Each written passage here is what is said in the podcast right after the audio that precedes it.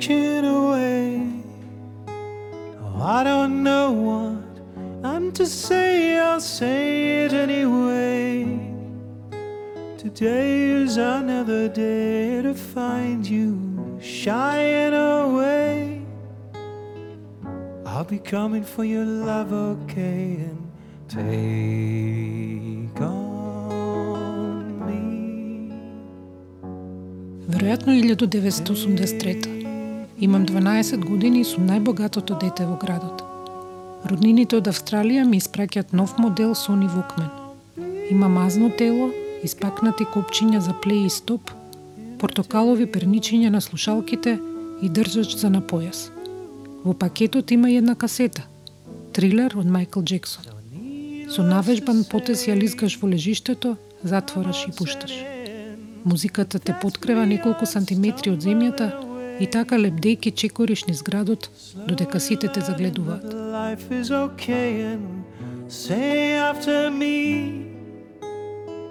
It's no better to be safe than sorry and, and take on me. Веројатно 1985. Со Наталија сме во исто оделение во Песталуци и комшивки во Капештец. Бројме колку чекори има од незината до мојата зграда и ја одредуваме средината за секогаш да се наоѓаме на таа точка кај едно подкршено дрво каде што сега е Беверли Хилс. Од таму одиме до најблиската трафика по германското Браво, од кој не разбираме ни збор, но си ги делиме ласкавите постери. По кој знае кој пат ја вртиме видеокасетата од Live Aid и на памет ги знаеме репликите од комедијата Top Secret. Подоцна стануваме даркерки, излегуваме во Лондонче на Картерот и секогаш се дружиме со постари. and all things that you say. Is it life or just to play my worries away?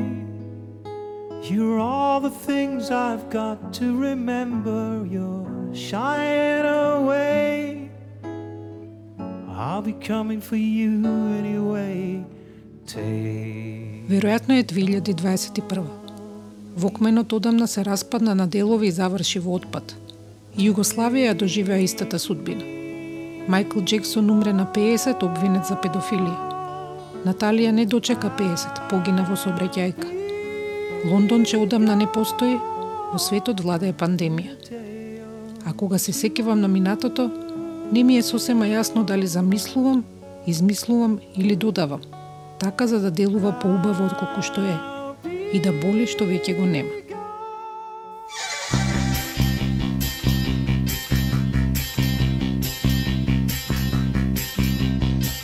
Јас сум Илина Јакимовска.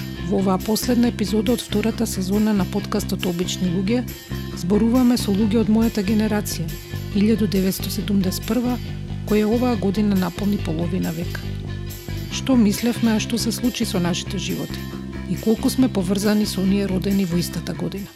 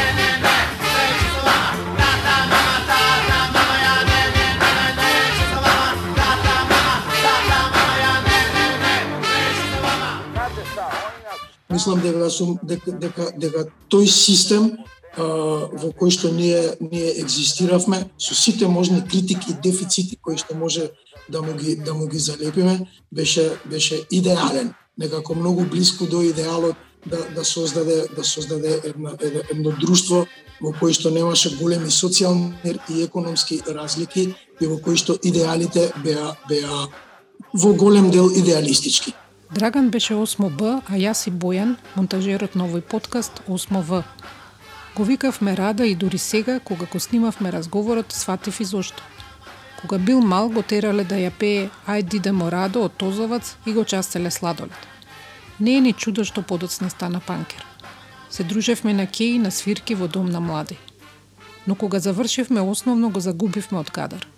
Неговите сакаа тој да се запише во средно медицинско во Штип, се гледавме само за празници и викенди. И тој и ние им се лутевме, и едве чекавме да заврши средно и да се врати во Скопје. А потоа? Тоа беше последната последната година на Југославија, почна почна да судирот во во во Словенија во тој момент и, и ете, за, ја бев во, во касарна во Загреб, бев сани, санитетец благодарение дека имам средно медицинско, имав некако привилегирана позиција да излагам секој ден надвор, бев многу послободен во споредба со другата војска. Али почна проблемот у Словенија и ја бев у касарна за, за војна полиција у вод за интервенција, нажалост. И, и се деси целото тоа срање околу Клин и, и, и требаше да ја пратат целата наша касарна директно, директно да отиде таму. Умеѓу време, со среќа, нели, Македонија прогласи независност, така да татко ми, Бог душа да му прости, ја запали старата застава од Скопје и не знам направи неверојатно рекорд као Ники Лауда да дојде да дојде од касарна да ме собере затоа што а, старешината на касарната им дозволи на сите македонци да се повлечат да се повлечат, да се излезат надвор доколку не сакаат да учествуваат во конфликтот и јас ја искористив таа опција.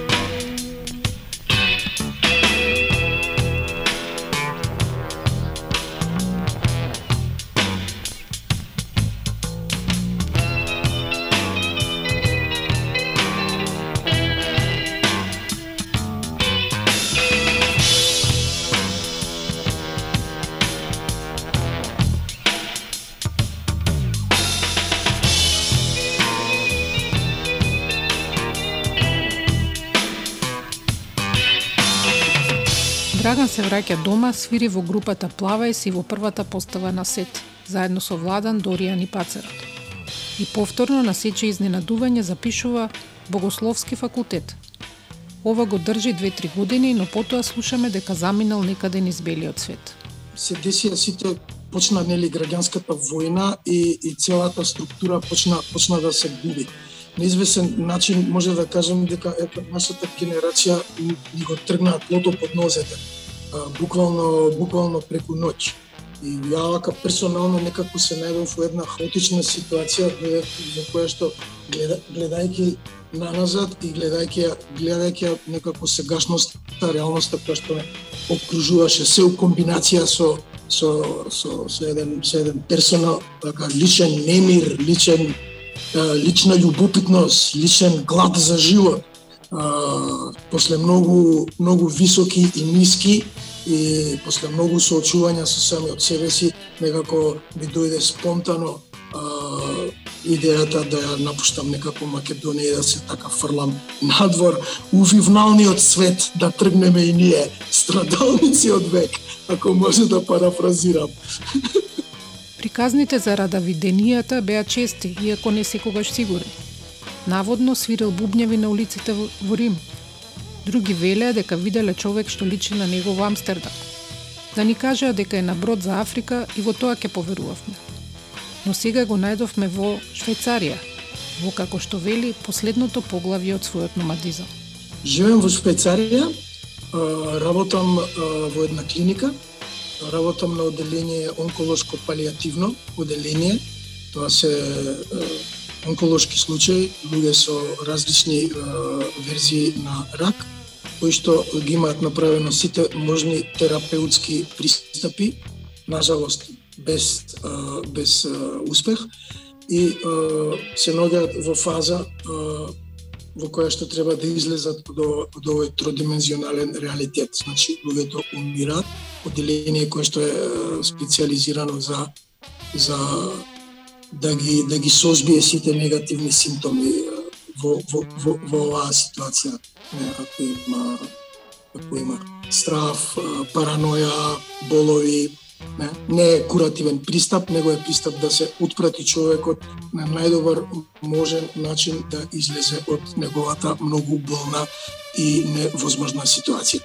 Оваа можност за достоинствена смрт Швајцарија ја нуди на секој свој граѓанин. Но просечниот престој на пациент во болницата каде што работи Драган е само 30 дена. Дали ваквото секојдневно сочување со смртта влие врз неговото сваќање на животот? А, во, во, во голем дел да, во ми се смени затоа што затоа што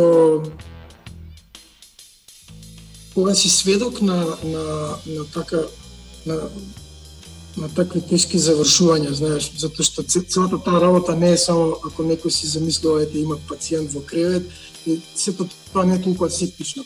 Мислам, ти си сведок на, на, на людски фамилиарни драми. Значи, човекот умира, умира татко, околу него се две керки, мајка, тоа е процес што што што ќе трае 2, 3, 4 4 недели фамилијата и е дозволено да остане во во, во совата на на пациентот и е дозволено да, да живее со него. Така да ние сме дел од од целиот фамилиарен процес. Не е мислам асептична работа, доаѓам, му ставам морфин вена и излагам надвор. Значи, доаѓам, поспоставам контакт со луѓето и после после многу краток период, тоа се многу интензивни емоции, стануваш стварно дел од, од, од фамилијата. Дали те мачи тоа? Да, да, во голем број, број, број, број на случаи те, те мачи, меѓутоа во секој случај ти три, тригер некако филозофски да почнеш да ги обработуваш тие тие, тие стимули што се многу што се многу јаки и во секој случај позитивно е дека го цениш животот повеќе дека не се не се не си кршиш толку многу глава за за за така секојдневни лапали и ситници што порано те, комплетно излагаш са, самиот од себе си затоа што да, се додека се додека немаш што да правиш со смртта или било како каков незин аспект све што се дешава околу тебе е, е добро.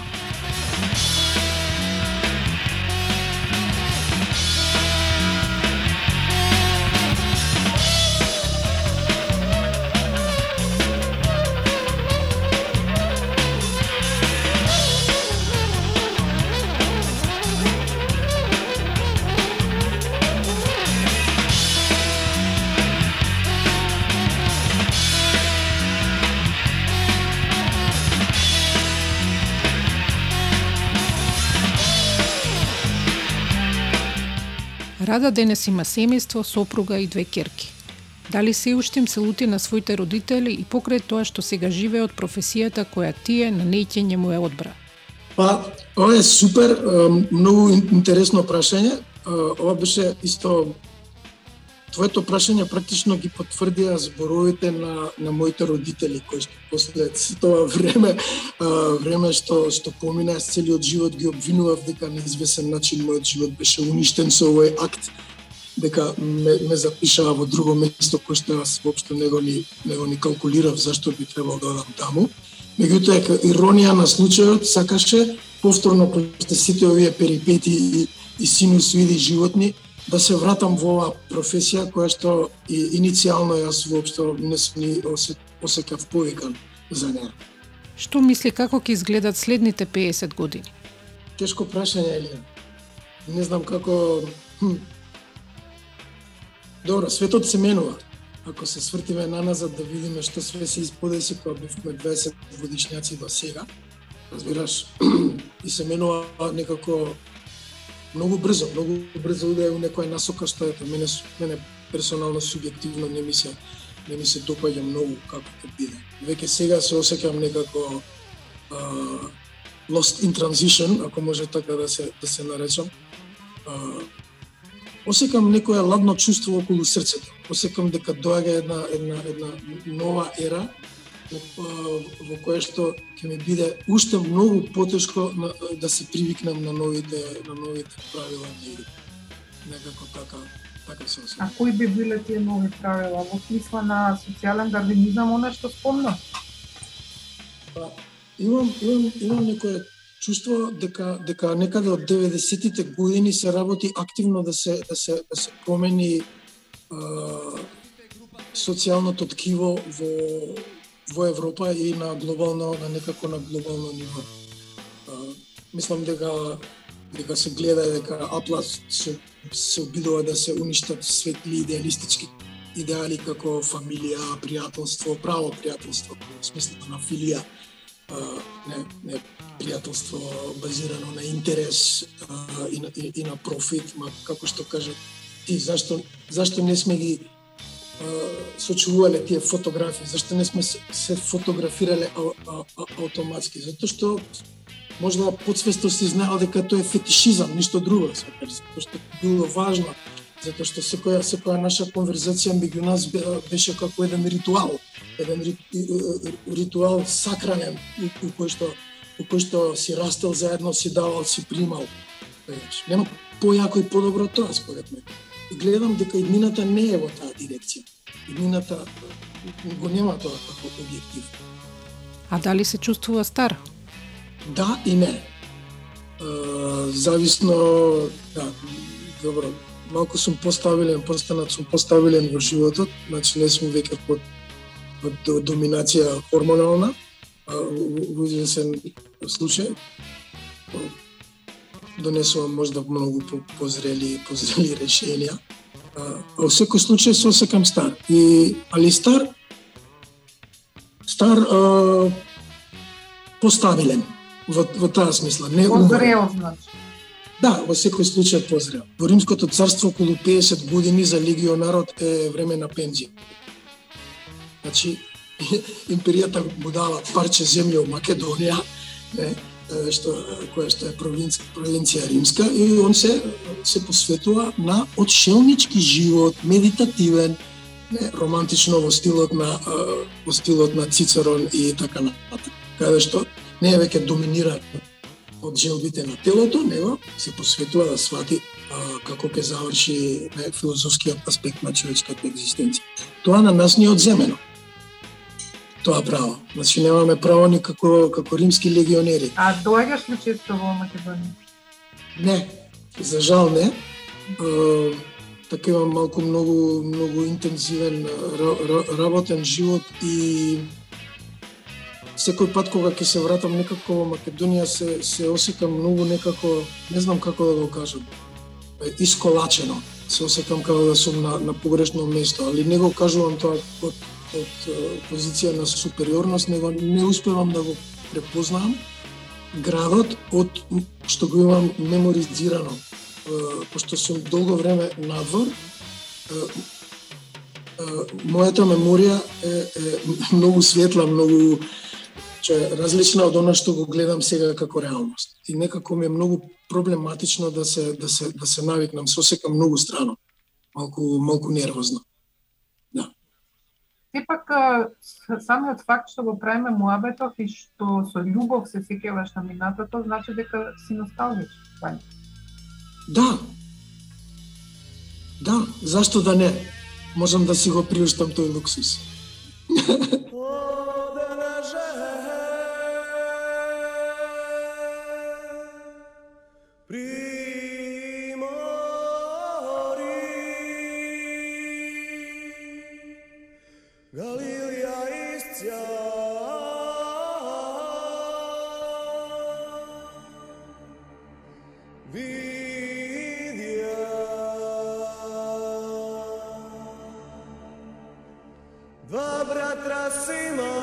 некоја хронолошка логика, Драган и нашиот следен соговорник може би се разминувале во ходниците на Богословскиот факултет. Но Сотир Илиевски, пред да стане отец, а потоа и владика Пимен Европски, учел нешто сосема друго. Ти учеше средно или гимназија? Средно насочено математика, физика. Значи, таман за тоа што потоа го студираше, а тој е машински најпрв. Да, да, меѓутоа тоа не испадна ништо. а, да. Нечии планови биле поинакви. Па да, Средното насочено карактеристично за нашата генерација, според отец Пимен се покажал како неуспешен проект. Исто како и тој, малкумина останале на она што замислувале дека ќе бидат во средношколските денови. Но има нешто поважно, особено за машкиот дел од неа. Друго, исто оно што е карактеристично, особено за, за машката наша генерација, тоа што бевме во таа последна генерација на Јена,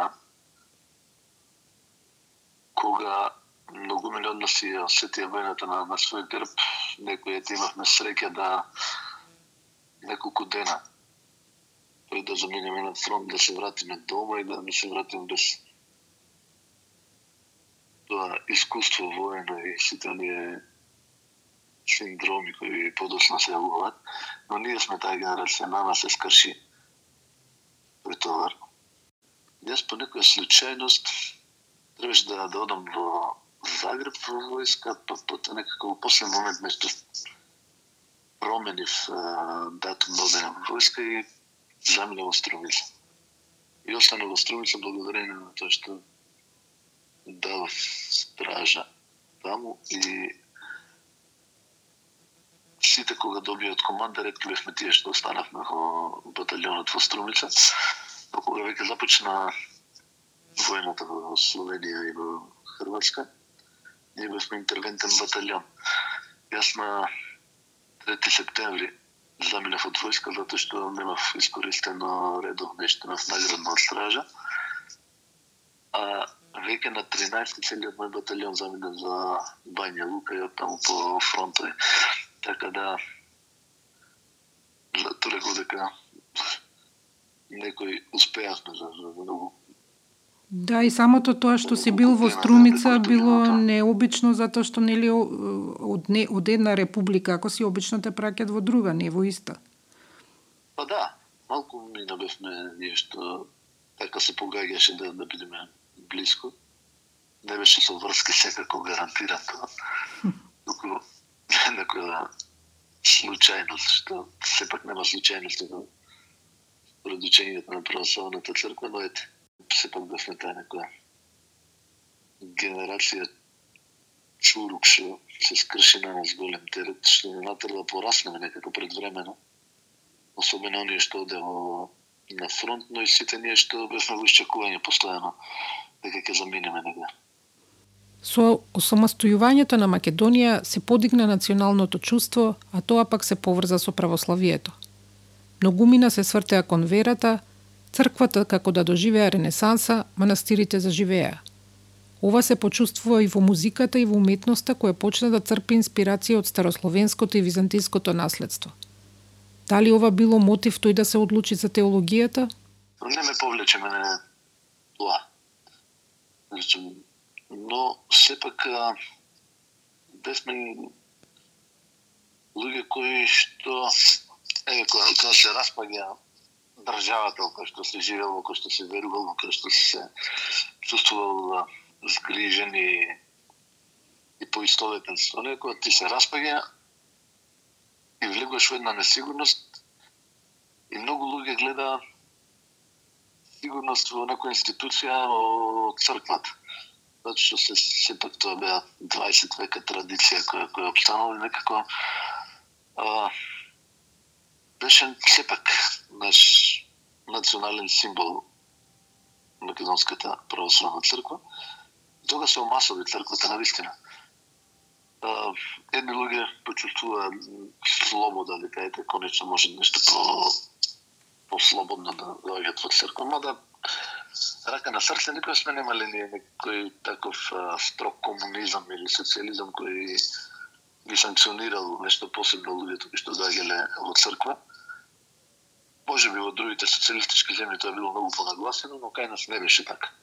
Сигурно затоа што беше како што велам во моја фамилија секогаш се чувало верата свештеник доаѓал 3-4 пати годишно да, да, да водосел пред слава и така натаму. Некои луѓе го, го сфатија тоа дека и навистина за да се, се биде во црквата се преку она што го да спомнати, особено во прв план музиката и филмот преку пред и Анастасија и ми зашто ги реафирмира тие вредности на старословенскиот јазик на византиската музика, што е направија така подостапна за, за и поинтересно за слушање. Сето тоа сме го немале со години како ново нешто, на вистина ја разбуди верата и црквата со масове. Меѓутоа секогаш во историјата Значи, уште од четврти век, кога се омасовила црквата, кога станува надземна институција после Миланскиот едик, омасовувањето значи секуларизирање на црквата. Така не се случи и овај пат. Значи, толку, толку луѓе влегува во црква наедна, што многу луѓе од помодарство, многу луѓе за, за да ја покажат лојалноста кон партијата која што ја избрали како демохристијанска и дека мора по дефолт да, да бидат верници. Малку се знаеше за, за верата во тоа време, наистина немавме ни 94 година излегува негде од печата првата Библија на македонски јазик, конфликтно издание во превод на архиепископот Гаврил. Тоа беше ли година може да порано не, не, не било, но значи сме немали комплетната македонска Библија на како извор на на, на верата, а камо ли дополнителни книги со толкувања или поуки некои од светите отци преку кои што може да, да се расте во верата. Покрај гордоста што бил дел од онаа генерација што учествувала во овие промени и заживувањето на верата, отец Пимен е критички настроен кон она што се случува денес, со она што во времето на осамостојувањето го доживувавме како остварување на идеал. Карактеристично за наша генерација е тоа што ете првото наше гласање како полнолетни луѓе имавме таа чест да гласаме во за тие први повеќе партиски избори и да ја замислуваме нашата татковина како нека супер нација тој патриот што го имавме во, во старт, дека еве, ни тежеше нешто од Југославија, па не можевме да се развиваме како што треба. И сега доаѓаме до таа ситуација да имаме своја земја, своја татковина, што толку се сакам. Еве ден да се види дека джаби сме се надевале, не било за Југославија, тако до, до сите нас било како чинители на, на тоа ново општество. Што е со иднината? Мислам дека најголема промена што ќе се случи во наредни две декади, дека ќе е враќањето кон Премногу да не, не убива ова темпо на, на живот што се случува сега. И премногу да се групира народ со овие модерни миграции, значи не, не зборувам само од кајна дека се сели народ, туку и од цела Европа и цел свет ги има тие миграции. Значи не само од малите земји кон поголемите, туку воопшто. Од малите места кон големите градови, там се создава цела концентрација. Сето тоа создава еден толкав хаос и толкав едни непотребни трошоци што човек ги на кој е изложен, што сметам дека ќе се презасити човекот од, од сето тоа и ќе бара нешто многу по, по бейзик, да живее повторно во природата, да, да ги одгледува децата негде подалеку од таа джунгла И дека тој луксус да се живее во голем град ќе остане само на сиромашните кои ќе немаат кај да се вратат.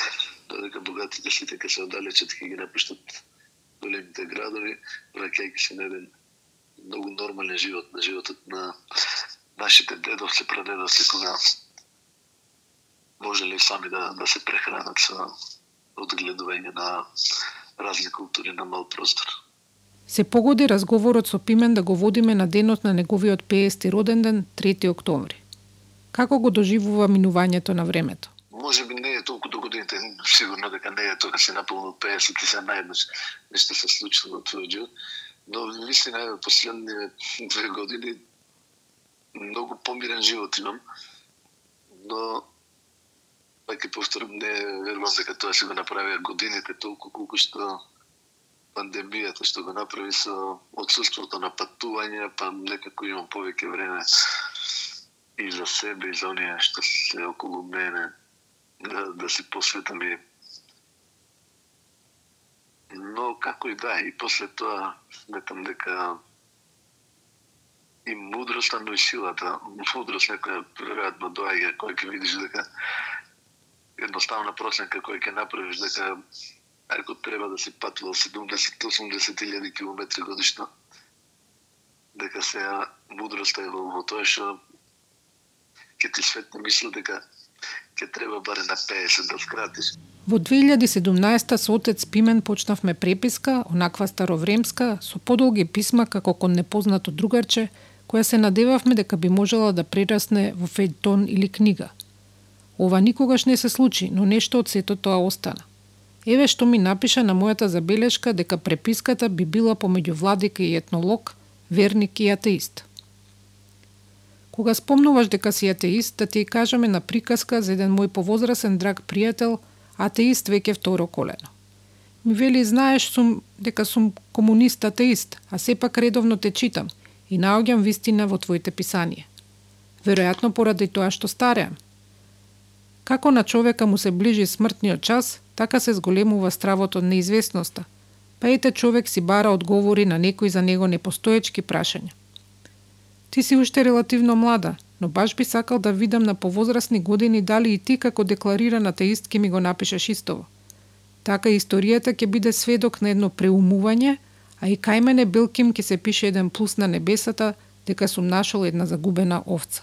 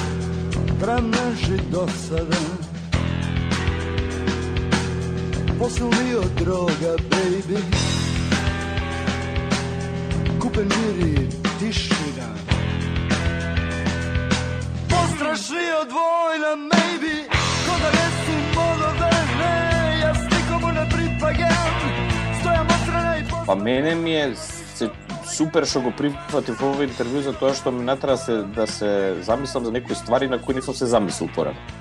А да, точно е кога ме праша да зборувам на оваа тема, мене тоа малку ми звучеше како да прашуваш некој што не следи фудбал да го прашуваш кој му е подраг, Вардар или Работнички.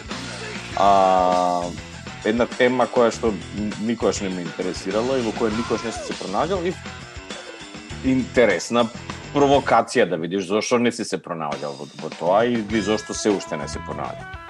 Преговорите за учество на Дарко во оваа епизода почнаа во 3,5 наутро по негово, а поради мојата немарност околу временската разлика помеѓу Скопје и Лос Ангелес. Почна со резервираност околу темата, за потоа да излезе најдолгото интервју за оваа епизода. Тој и Пимен се запознале неодамна и сватиле дека се родени во ист ден. Веднаш почнала дискусија околу тоа кој е постар и кој кого треба да го вика оче. Дарко свртел кај мајка му и резултатот е постар е за 3 часа. Тој е речит со јасна мисла која е невозможна за сечење, лепење и монтирање и талент за дефинирање на работите. Например, за дефинирање на она што точно значи генерација. Кога фатив да се а, да се преиспитувам и спрејам за овој муабет, а, фатив малце да бидам да да размислам како девољ за адвокат. Ајде да видиме што дали е баш на вистина тоа толку небитно а, генерацијската припадност и луѓето кои со кои си се дружел, страствено си се дружел, неволно си се дружел, си се дружел од што мораш или ич не се дружел и туку си ги избегнувал и сите тие биле твои генерацијски овој исписници, врсници, дали е тоа е, битно за остатокот од животот и дојдов до еден заклучок дека е не само што е битно, туку во нашиот случај е и клучно. И може би само во нашиот. Зошто? А, затоа што, колку што јас се сеќавам, од муабетите со постарите, пред се моите постари братучеди кои што некои од нив беа бајде постари, по некои 10-15 години постари од мене, а генерациите кои се раѓа пред нас а, не се раѓа во такви услови како ни, како, како, како нашата генерација. А, годините после Втората светска војна се години на тешка беда и, сером, и, не, и немаштина. А, и на глад. Ако погледнеш филмски журнали од тоа време, ќе видиш дека луѓето се неухранети на, на кои се појавуваат пред камерата. Таа некоја економска ситуација се стабилизира 50-тите, но се уште децата кои се раѓаат 50-тите се деца кои се раѓаат во во скудни услови 60-тите почува да се поправа стандардот на живење, но мислам дека кога зборувам со моите пријатели кои се родени 65-та да речеме, се уште има големи разлики помеѓу нив и мене и тоа како тие се сеќаваат на своето детство и како ние се сеќаваме на, на нашите детство. Генерациите кои почнуваат да се раѓаат ајде да речеме некоја 6, 9, 70 година па натака, се генерации кои за кои сите се убедени, вклучително и ние самите, така бевме убедувани и воспитувани, дека сме родени во совршени услови. Никогаш предходно а, на Балканот не постоеле такви е, перфектни услови за е, воспитување и развој на децата. А, не требаше да имаш многу пари, бидејќи сите има е, или, или нема подеднакво количество на, на, на пари. Класните разлики, а, имотната состојба не, не беа така големи како што се денес и во главном многу нешта беа достапни за сите. Јас бе валјда првата генерација која што е родена во стан на своите родители. Мислам, татко ми кој е од од роден на село, не е роден ни во куќа, туку е роден на нива. А, немало амбуланти, немало болници. Најблиската болница била на 50 километри, така на Мајка ми која што од градско семејство е родена во куќа во која што живееле 3-4 генерации истовремено. Ние бевме она прва генерација каде што во, во, во, во станот на кој што на врата пишуваше им, им ги, ги носеше името и презимето на моја татко и моја мајка, живееше нуклеус од татко, мајка, син и ќерка. Толку, четири члено семејство кое што а, одеднаш почна да живее по некои стандарди кои што беа горе доле европски стандарди на тоа време. И тоа се случи прв пат. Значи, одеднаш, за разлика од, не знам, може би, само 10 години предходно, Сега веќе обај не е редкост да јадеме тропски овошја за нова година. Не е, не е веќе проблем да се оди секоја година на летување и зимување. А, летувањата и зимувањата не се не се веќе е, нужно поврзани со одење во Охрид или или на Јадранско море, туку веќе се оди во странство, па така не знам, јас сеќам дека научив да скијам на 6 годишна возраст во села Невеа во Италија а секоја од година одивме да кампуваме во Грција. А, тетка ми со братучедите отидоа на турнеја низ Шпанија 78 година и во тоа време се сеќам дека стандардот на шпанците не беше нешто многу по, повисок од стандардот на, на просечното југословенско семејство. Ние сме таа генерација на која почнуваат да и купуваат е, примамливи подароци за роден дени и за крај на учебна година, не знам, точаци, ролшуи, а, вокмени едно време се појавија. Од една прва генерација која почува да има некои работи во своите во своите соби. Прво имавме соби, а второ во там самите соби имаме нешта кои што тие што беа малку постари од нас ги немале кога растеле. А, и ни се потрефи и, и, и, и се некако ни се поклопи. Не знам, се појавија некои нови нови работи кои ексклузивно како за нас да се појавија, не знам, од тоа дека ја мислам дека веројатно бев првата генерација која што имаше тоа задоволство да ужива во собирање сликички овие фигури на панини. Мислам дека во овие претходно тоа го нема. Денес го имаат сите деца, не знам, собираат евро, сликички европско првенство. Е тоа се појави јас кога тргнав во училиште. Ми се чини. А, не знам, процотот на југословенската музика од 78-9 па до нека нека 84-та, 5-та, 6-та се случи некако како за нас да е правен, како како точно да да да е темпиран да се да се да се појави да се случи тоа во оние години кога ние а, влегувавме во тинеџ периодот. А, немаше секогаш се разбира има потреба од прогрес, но инфраструктурата во која што ние се родивме веќе беше изградена за нас. Значи немаше како времето на татко ми да нема амбуланта. Не, амбулантите беа тука, болниците беа тука. А, горе доле многу пристојно здравство, мала смртност, мал морталитет на на новороденчиња. А, успешно справување со детски болести, градинките, школите, се тоа беше тука во на на, на 5 минути чекорење од од од зградата во која што живеевме. Јас одев сам тргнав на училиште 3 минути пред да задзвони звончето, толку близко бевме до толку близко беше училиштето на мене. А, и некако се и, и беше безбедно. Супер безбедно беше. А, немаше некои големи пороци. А, кога бевме тинеџери, најголемите стравови на нашите мајки беа да не ни стави некој дрога во кока-колата во кафич и да не дуваме лепак, вајда. И тие кафичи некако како почнаа да се отвараат како токму темпирани за нашава генерација. Порано ги немаше, порано луѓе одеа пред ванила стоеа. Ние бевме тие кои го паметат Ани и Бони и не знам и прве не знам Камел Мамел как пирамиди и така натаму во турска чаршија сите кафичи кои се отворија. Некако секако да се редеше за нас.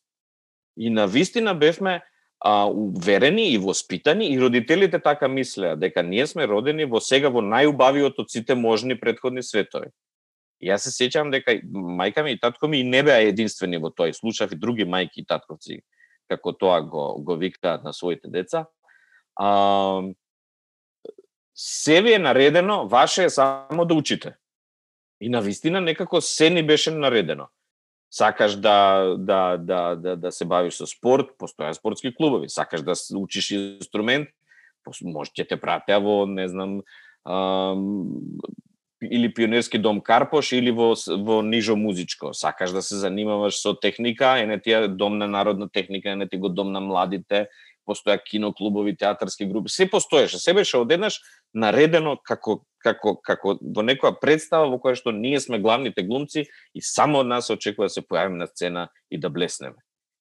И кога дојде тој момент да ние матурираме и да се простиме од она што ние генерација и да веќе почнеме да се дружиме со некои луѓе кои се постари или помлади од нас, не веќе генерацијски да се дружиме, туку да се дружиме според интереси, професионални. Значи да тргнеме на факултети да запознаваме некои други светови, а, се случи комплетен распад на тој систем.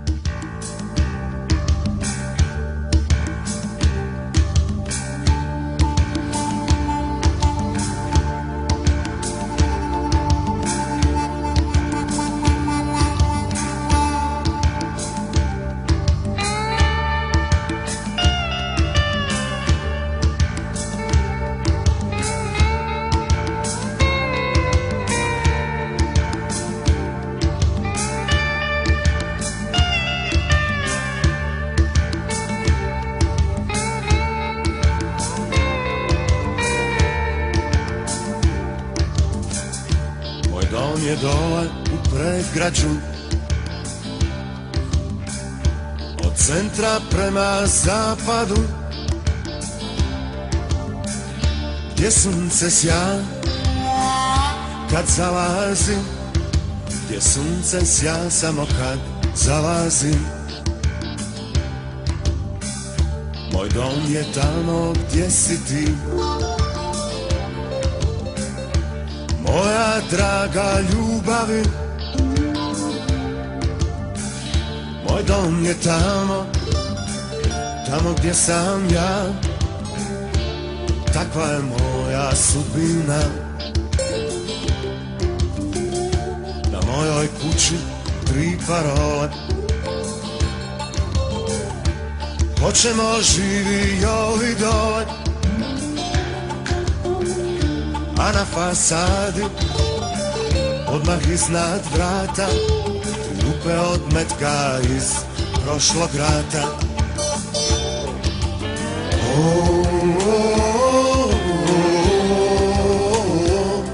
Tu ne može ništa niti Bog.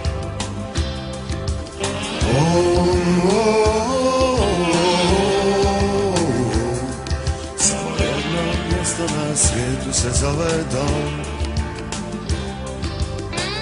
Првите војници на а, ЈНА кои загинаа пред а, Сашко Гешовски од, од Кавадарци, кој загина пред Сплитската касарна беше припадник на токму мојата генерација. А, ние кои запишавме факултет, таа есен 91 година се криевме по некои роднини, по шкафови, под кревети да не не соберат овај да не пратат во ЈНА, а тие кои што немаат среќа да запишат на факултет, веќе беа да запишат факултет, веќе беа регрутирани и имаше еден мој пријател со кого се друже во средно, кој заврши како тенкиста на, на Буковарскиот фронт. И се распадна, не, не, не, не само што се распадна сказната, се распадна системот. Значи, ние бевме как генер, како генерација подготвувани да блеснеме во тој најдобар од сите можни светови. Светот го снема и не беше заменет со нов. А, тој свет во кој што преку ноќ се се разбудивме беше свет на во кој малте не беше глупо да се сонува. Дарко не се откажал од сонот. Дел од него се филмовите с Богом на 20 век, Балкан Кан и Трето полувреме, како и антологиските документарни серии Уа Шнајдери и Досие Скопје. Сепак и тој во еден момент одлучува да замени еден сон со друг, и во тоа не е единствен. Конкретно во мојот случај, а, јас мечтаев да станам филмски режисер и стана филмски режисер, ама а, Југославија беше една од а, битните кинематографии во Европа. Буквално преку ноќ ти се будиш во една земја која што нема кинематографија. Тоа беше Македонија. А, Југославија имаше прилично напредно здравство. Тоа можам да го тврдам одговорно бидејќи сите во фамилија ми беа бели мантили. Од мајка, татко, преку чичковци, тетки и така натаму. А, има верзија према бели мантели просто од затоа што бев обкружен и одраснат меѓу нив. Кај нас дома на ручек се дискутираше за некои латински термини кои што не ги разбирав. Доаѓа на кои се соберат роднини, збореа за, за, за, за рецепти, за, за, за лекарства, за пациенти. За тоа беше грозно да се слуша кој имаш 16 години слушаш за болести. А, но знам дека беа сите врвни професионалци во еден систем кој што можеше да се справи со ситуации со кои денешниот систем не може да се справи. Например, тетин ми беше епидемиолог кој беше дел од екипата која успешно ја се справи со епидемијата на вариола вера во 70-тите. А, каде што се покажа дека дека постои систем кој што е на две нозе поставен без обзир без оглед на идеолошките и политичките компоненти на тој систем. Се зборам за она што е секојдневие, она што е инфраструктура во која се одвива нашето, нашето се одвиваше нашето секојдневие, тоа пуф го снема. И беше мојата сегашна сопруга о, о, во тоа време во 90-тите студираше медицински факултет и од денешна перспектива тоа изгледа како да се обучувала да биде дел од еден систем кој 10 години после тоа или 15 ќе се распадне сосема, мислам, го гледаме денес здравството во Македонија на што личи.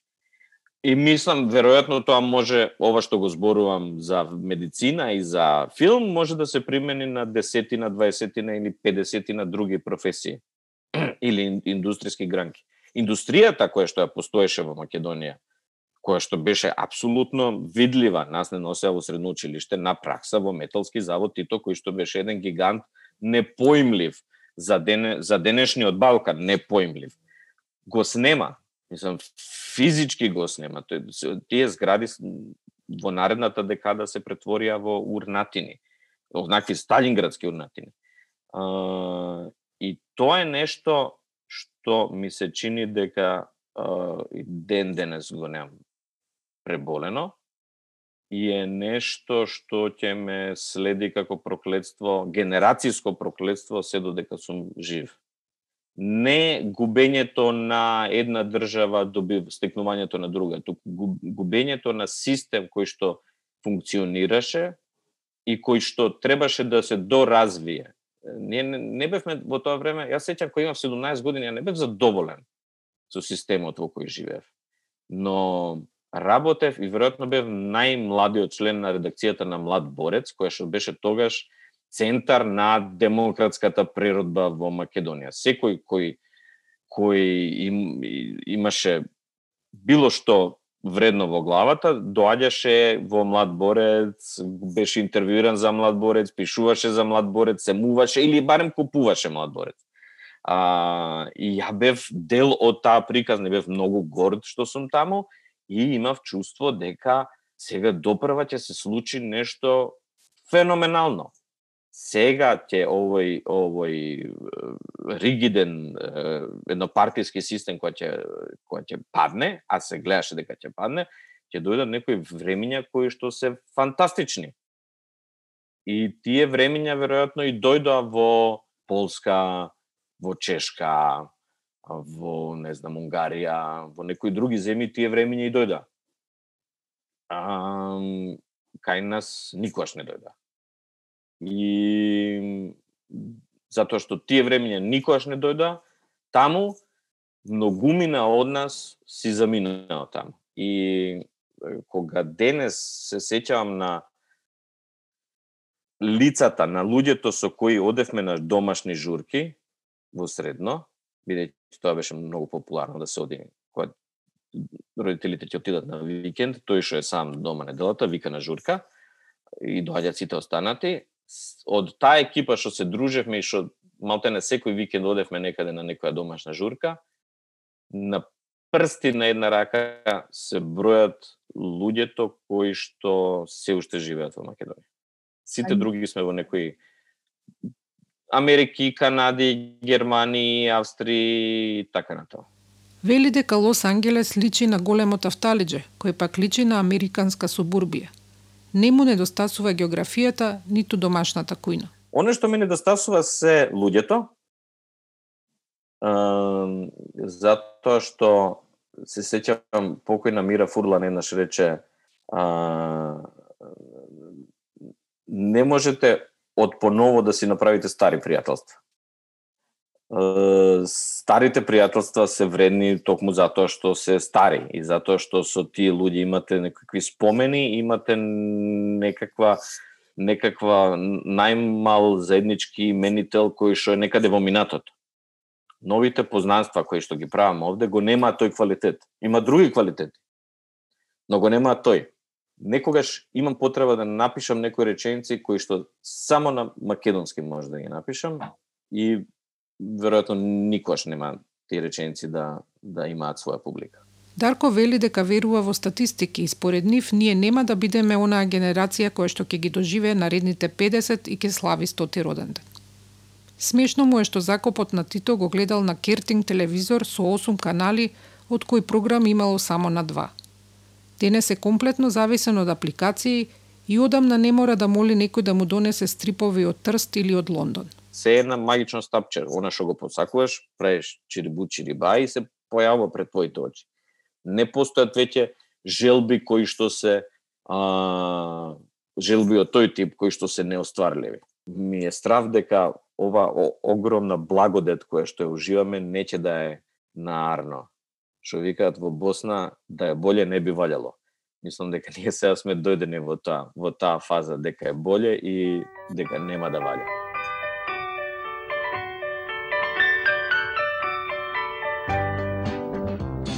У свету постои едно царство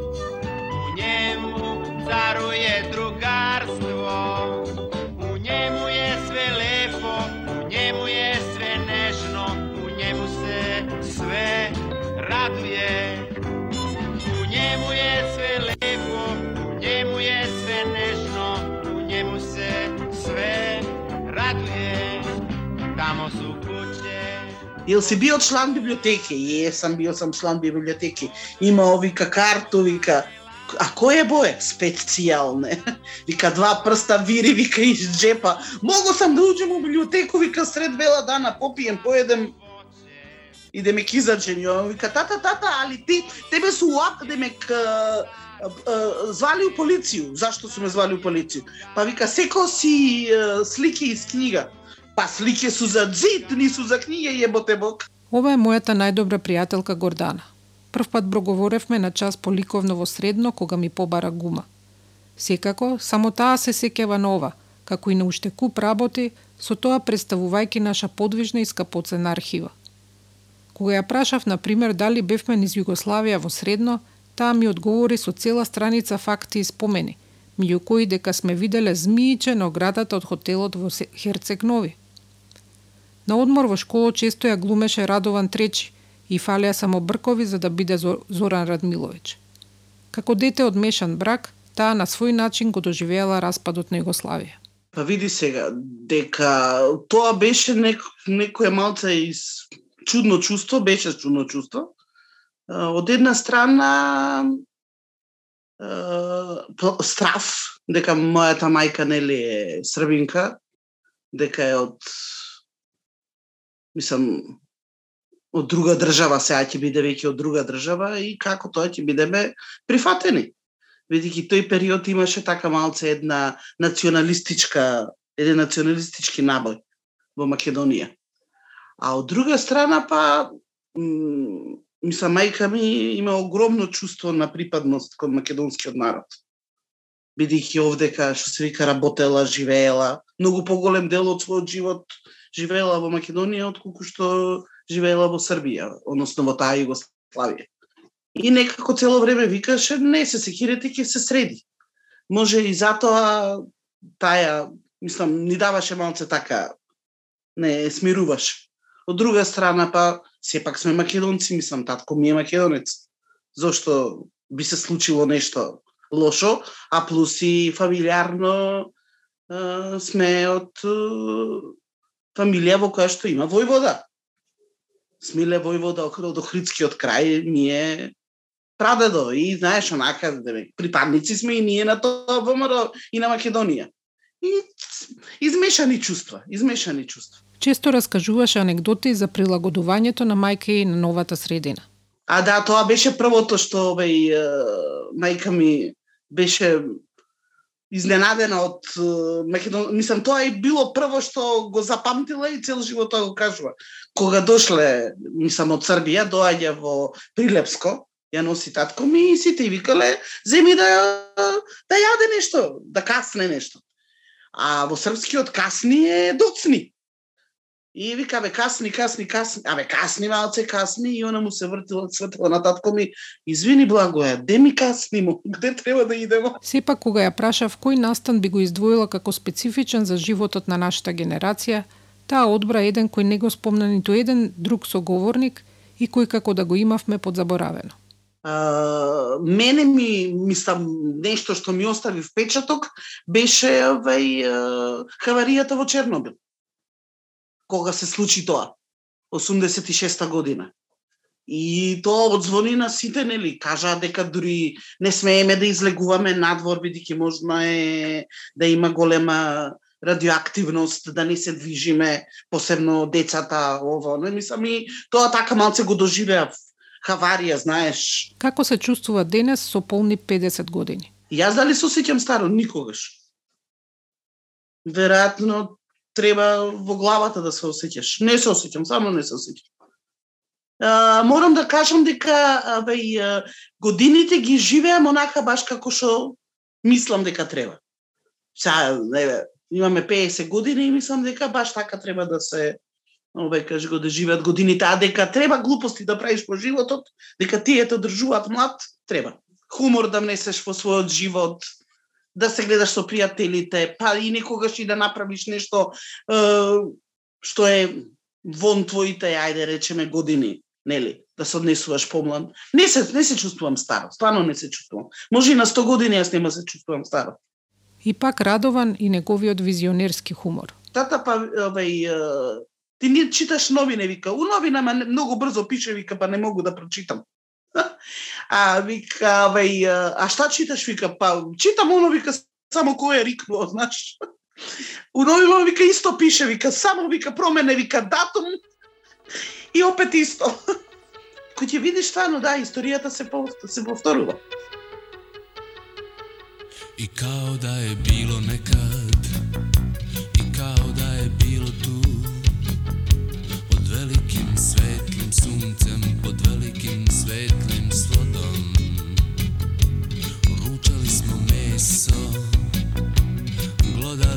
Kosti dobrih životinja Mi imamo snage, mi imamo snage za još dan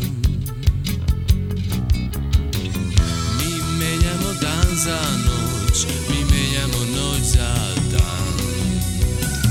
Mi menjamo dan za noć, mi menjamo noć za dan. Prolaze brodovi, trube u čast, zvone na uzbunu. Uče da plaču, deca uče da poznaju svoj glas u toplim jaslama. U hladu bora pod zidom čempresa Mi menjamo našu noć Za neki tuđi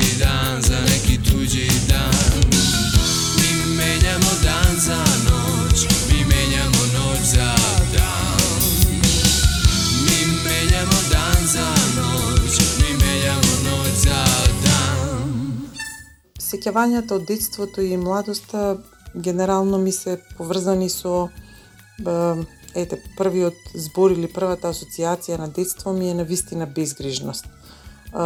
Еден така светол и топол дом со многу сонце и светлина. Секогаш, секогаш музика и убави мириси од кујната на мајка ми.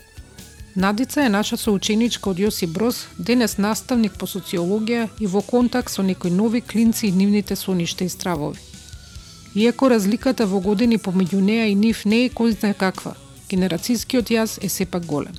Кога се сеќавам на периодот на детството и младоста и кога се обидувам да пренесам дел од тие сеќавања на моите ученици денеска, некако имам чувство дека не било тоа пред еве 3-40 години, туку често пати на учениците кога им евоцирам некакви случки од мојата младост им се смеам и им велам дека се чувствувам сега како бабата од Титаник затоа што имам некакво такво субјективно чувство дека е тоа многу многу одамна. Веројатно тоа се должи на големите промени и наглиот развој на општеството во сите сфери од животот. И кога се обидувам да им објаснам што значи разлика во години од 30 на години, значи во однос на еве мојата помала керка или во однос на моите ученици сега со кои сум разлика околу 34-5 години, некогаш мислам дека тоа е, 30 светлосни години, затоа што разликата во начинот на животот од тогаш и сега ми се чини многу драстична. Има некои технолошки пронајдоци или помагала кои што ние сме ги користеле од типот на не знам видеокамера или касетофон и така натаму или класичен телефон кои што тие ги имаат и прескокнато како генерација со кои што воопшто не се ни сретнале. Значи, од таков некој аспект, разликите се на вистина огромни. Не сум југоносталгичар, но низ животот така ми, ми беше голем предизвик да се навикнам да живеам во мала и не толку позната држава или земја во светски рамки, а сум се родила и младоста сум ја поминала во една така економски, воено и на секаков начин е, силна држава. Е, тоа ми е, да кажам, една така битна битна промена која што ми се случила во младоста, па предпоставувам дека ми оставила некаква трага, затоа што често пати знам да кажам дека ако се распаднала една таква држава, се може да има неславен крај. Ако нашето бреме пред се беше резултат на политичките турбуленции, какво им оставаме на идните генерации? Еве, ако се обидам да размислам што гледам наредните 50 години, на што се надевам, а од што се плашам, се надевам дека човештвото и науката ќе изнајдат начин да ги надминат сите предизвици кои што луѓето ги е, оставија да речам во едно неблагодарно наследство во однос на еколошката ситуација, а се плашам дека тоа нема да се случи.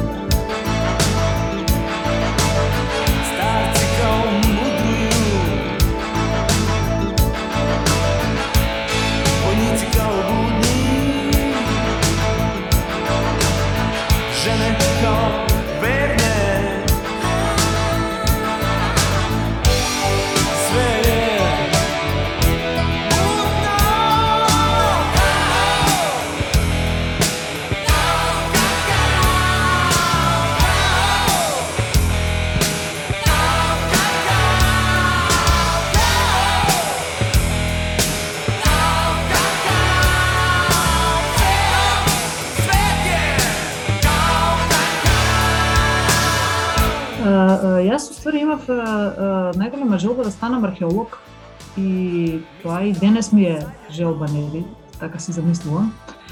Кога бев мала, а и денес кога си мала, така си викам да сакам да бидам археолог. Дури и размислував во, во кога се запишав на класична студија во трета година да паралелно ете да да се запишам на археологија, меѓутоа во текот на студиите се разбира се се профилира моите интереси и се определив за археологија на јазикот, односно за историја на на класичните јазици. И да, тоа ме исполнува целосно, не би го не би го менувала сега сега тој избор сигурно. Но не се подразбира дека кога повторно би се вратила со овој памет сега на почетокот пред 25 години, многу работи би ги направила поразлични што се поврзани со професионалниот живот. Јас Горде и Надица во средно бевме во тројката, а Еле во двојка веројатно најдоследно на културолошката насока на која што припаѓавме, учејќи три така наречени мртви јазици, латински, старогрчки и старословенски, таа по гимназијата се запиша на класични студии и денес предава на филозофскиот факултет. Интересна е незината споредба не на нашето детство и она на денешните млади, туку на ставовите на нашите родители и денес нашите Поднос на однесувањето, нашите родители биле многу загрижени за нашето однесување. како се однесуваме и што правиме. Денеска мислам дека по однос на на однесувањето сите не имаме различни, па дури спротивставени ставови. Дали е тоа добро или лошо е нели прашање за поголема дебата. Uh, исто така мислам дека нашите родители со голем ентузијазам, да речеме, гледаа на стекнувањето на образование, нели особено високо образование, затоа што тоа беше некако клуч за за uh, добар живот и удобен живот, вработувањата беа прилично известни. Uh, и можеше да се живее нели од од платата. Ние денес разбери исто како родители многу сакаме нашите деца да завршат факултет, меѓутоа факт е дека вработување да се повеќе неизвестни отколку известни, а и факт е дека денес и, и, и не ни мора да имаш завршено факултет за да заработуваш добро, просто се сменети условите за за живот и ние на тоа гледаме едноставно поинаку. И една исто така важна работа, мислам дека нашите родители веруваа во државата и во институциите и така и нас не воспитуваа, дури може би слепо веруваа во голема мера. Ние денес не можеме да се пофалиме со такво нешто, бидејќи не никој не може да верува во заробена држава и заробени институции. Но од друга страна, пак ете ние денес прилично активно учествуваме во и во креирањето на, на државните политики и во, и во работата на тие институции, колку што можеме. И покрај разочараноста од спороста на посакуваните промени на подобро, или е сепак оптимист или поточно реалист, фокусиран на сегашност? Па секогаш секогаш се надевам на подобар живот, а се плашам од од полош е, живот. Е, но главно сега погледот ми е фокусиран е, на тоа што се случува сега и овде, не размислувам за иднината како што можеби сум размислувала кога сум имала 18 години и едноставно се трудам да, да, да го видам тоа што е и во мене и околу мене сега и овде во овој момент и да се допрам колку што можам повеќе до убавината. Не. Не, се осеќам секогаш како да сум на почетокот на, на животот. Имав, имав некоја таква криза кога наполнив 40 години, меѓутоа мислам дека, дека тоа беше тогаш последен пат сега се чувствувам сосема, сосема солидно. Шест различни соговорници, шест различни, а сепак блиски приказни. Соништа, потраги, носталгија, спомени. Мило ми е што сум иста генерација со овие луѓе, кои покрај сите предизвици да денес звучат зрело и стабилно, како некој кој успел да си го најде патот. Епизодава, која е последна за втората сезона, сакавме да им ја посветиме на оние од нашата генерација кои прерано не напуштија – Сепак, таа нека биде за новите генерации. Ја посветуваме на Нора и Катја, на Оливер, на Филип и Кики, на Ана и Марија, на Мате, Иван и Јоан. Се надевам дека ќе бидеме заедно и во следните 50 години. Децата нека раснат во преградки мајчински збрани, радост да блика топла, nascite ceti strani